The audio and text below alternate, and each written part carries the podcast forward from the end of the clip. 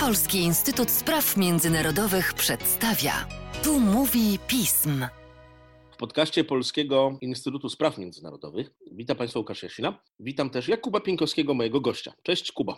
Dzień dobry, cześć Łukaszu. Niedawno spotykaliśmy się, aby porozmawiać o wyborach prezydenckich w Mołdawii. Teraz jesteśmy kilka dni po wyborach w Rumunii, o których zdążyłeś już napisać komentarz, ale w podcaście, jak to w podcaście możemy pewne wątki rozszerzyć. Przykre jest oczywiście to i to powiem to, co zawsze mówię w takich podcastach, że mimo znaczenia Rumunii, również jako naszego sojusznika na wschodniej flance NATO i w ogóle znaczenia tego dość dużego państwa w Europie Wschodniej, mało wiemy tak naprawdę o rumuńskiej scenie politycznej. Ty ją nam parę razy przypominałeś, ale mam takie dziwne wrażenie, że poza prezydentem Johannisem się w Polsce za wiele nie utrwaliło. Wybory parlamentarne w Rumunii wydają się być jednak wydarzeniem przełomowym. Co takiego się stało w Bukareszcie i w innych miejscach tego państwa, że ryzykujesz ty takie sformułowania?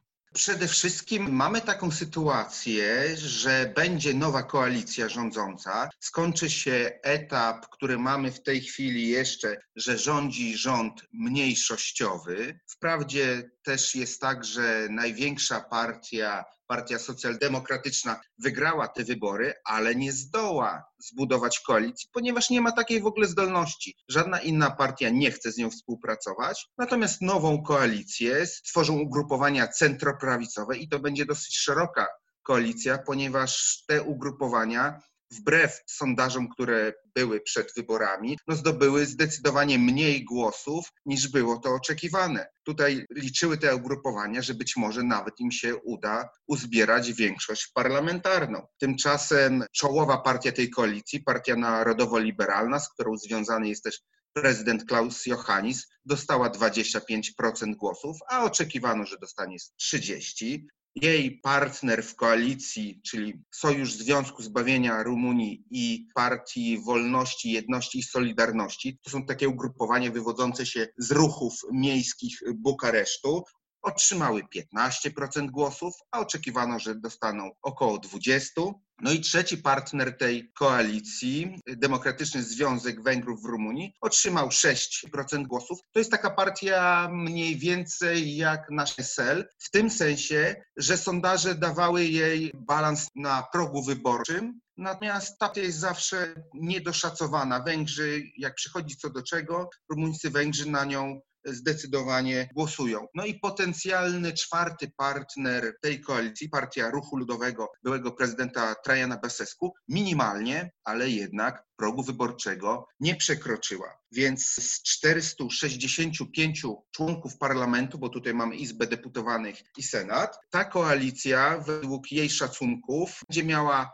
jakiś 234-245 posłów, no i liczy ona na to, że będą współpracować z nią posłowie, których jest 16, mniejszości narodowych, bo zawsze jednak tak jest, że oni wspierają każdą akurat rządzącą koalicję. Ciekawa sprawa, ale jakie realne zmiany w polityce państwa rumuńskiego na różnych obszarach i wewnętrznych, i zewnętrznych to może oznaczać? Prezydent się przecież nie zmienia. Prezydent się nie zmienia, natomiast będzie koalicja, która będzie mu przychylna i która będzie miała większość, ponieważ dotychczasowy rząd właśnie z Partii Narodowo-Liberalnej Ludowika Orbana rządził ponad rok, ale jako rząd mniejszościowy, no co sprawia, że jakieś kluczowe reformy ciężko w tej sytuacji forsować. Tutaj wejście Związku Zbawienia Rumunii i Plusu do koalicji rządzącej daje nadzieję, że zdecydowanie zostanie zdynamizowana walka z korupcją, bo to jest takie sztandarowe hasło wypisane na sztandarach tego ugrupowania. Natomiast istotnych zmian w polityce zagranicznej Rumunia tutaj się postrzega jako czołowe państwo na wschodniej flance, oprócz nas, jeżeli chodzi o wzmacnianie tej wschodniej flanki, więc sojusz ze Stanami Zjednoczonymi w ramach NATO, to nie będzie w żaden sposób podważane. Także ścisła integracja Rumunii w ramach Unii Europejskiej, to także będzie zadaniem tej koalicji. Natomiast co ciekawe, wejście partii węgierskiej do rządu rumuńskiego wcale nie będzie oznaczać jakiejś większej przychylności Rumunii dla tego, co, jaką politykę prowadzi Viktor Orban. Ponieważ o ile UDMR rzeczywiście współpracuje z Orbanem, z Fidesem, jeżeli chodzi o wsparcie kultury, języka, tradycji, pamiątek i tak dalej węgierskich w Siedmiogrodzie, o tyle jest bardzo wstrzemięźliwa, jeżeli chodzi o działania takie stricte polityczne i kampanie wyborcze, które zawsze Fidesz prowadzi wśród rumuńskich Węgrów, którzy mają obywatelstwo, no i mogą w węgierskich wyborach głosować czy wejście partii węgierskiej będzie miało wpływ na poprawę sytuacji politycznej Węgrów na terenach niegdyś do Węgier należących, co nawet przy niekoniecznej współpracy z Wiktorem Orbanem może jakoś destabilizować relacje węgiersko-rumuńskie? Tutaj UDMR będzie chciało na pewno uzyskać resort kultury, być może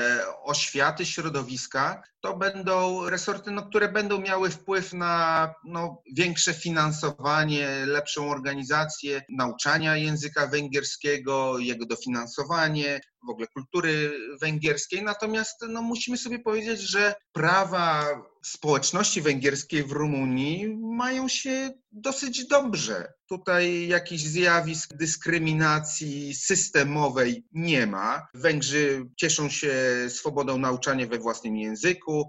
Tam, gdzie jest minimum 20% mniejszości w danych jednostkach administracyjnych, no to można używać języka mniejszości w administracji, w kontaktach obywatel, urzędy. Nazwy miejscowości są dwujęzyczne, czy Czasami nawet są miejscowości w Rumunii, które mają cztery nazwy, bo mieszkają tam na przykład także Niemcy czy Ukraińcy. Natomiast możemy jeszcze sobie powiedzieć o ciekawym ugrupowaniu, które weszło do parlamentu. To jest Sojusz na Rzecz Jedności Rumunów i to jest ugrupowanie po raz pierwszy od wielu lat takie ultranacjonalistyczne, które się w parlamencie znalazło. Zdobyło aż 9% głosów i może ono swoimi wystąpieniami, tym razem no, z pozycji partii jednak parlamentarnej, powodować napięcia w relacjach właśnie z Węgrami, z Ukrainą, z Serbią. W tych dwóch krajach jest no, znacząca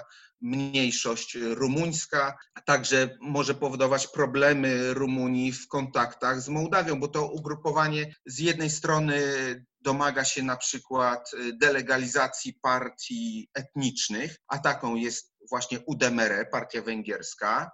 Postrzega też ta partia przywileje mniejszości narodowych właśnie jako zupełnie nieuzasadnione w Rumunii. Z drugiej strony opowiada się za takim twardym unionizmem, czyli dążeniem do inkorporacji Mołdawii do państwa rumuńskiego, co w tej sytuacji będzie no, utrudniać działania pracę prezydent proeuropejskiej Mai Sandu, która wygrała niedawno wybory w Mołdawii, ponieważ jej oponenci prorosyjscy no, oskarżają ją właśnie, chociaż bezpodstawnie, o unionizm. I lider tego ugrupowania, Gorge Simeon, ma na przykład zakaz wjazdu na pięć lat do Mołdawii. Też jest znany z zajść z zeszłego roku na cmentarzu Walia Uzuluj, to jest y, w Siedmiogrodzie, tam jest cmentarz, na którym są pochowani żołnierze i rumuńscy, i węgierscy. No i tam doszło do szarpanin bijatyk w zeszłym roku, ponieważ były próby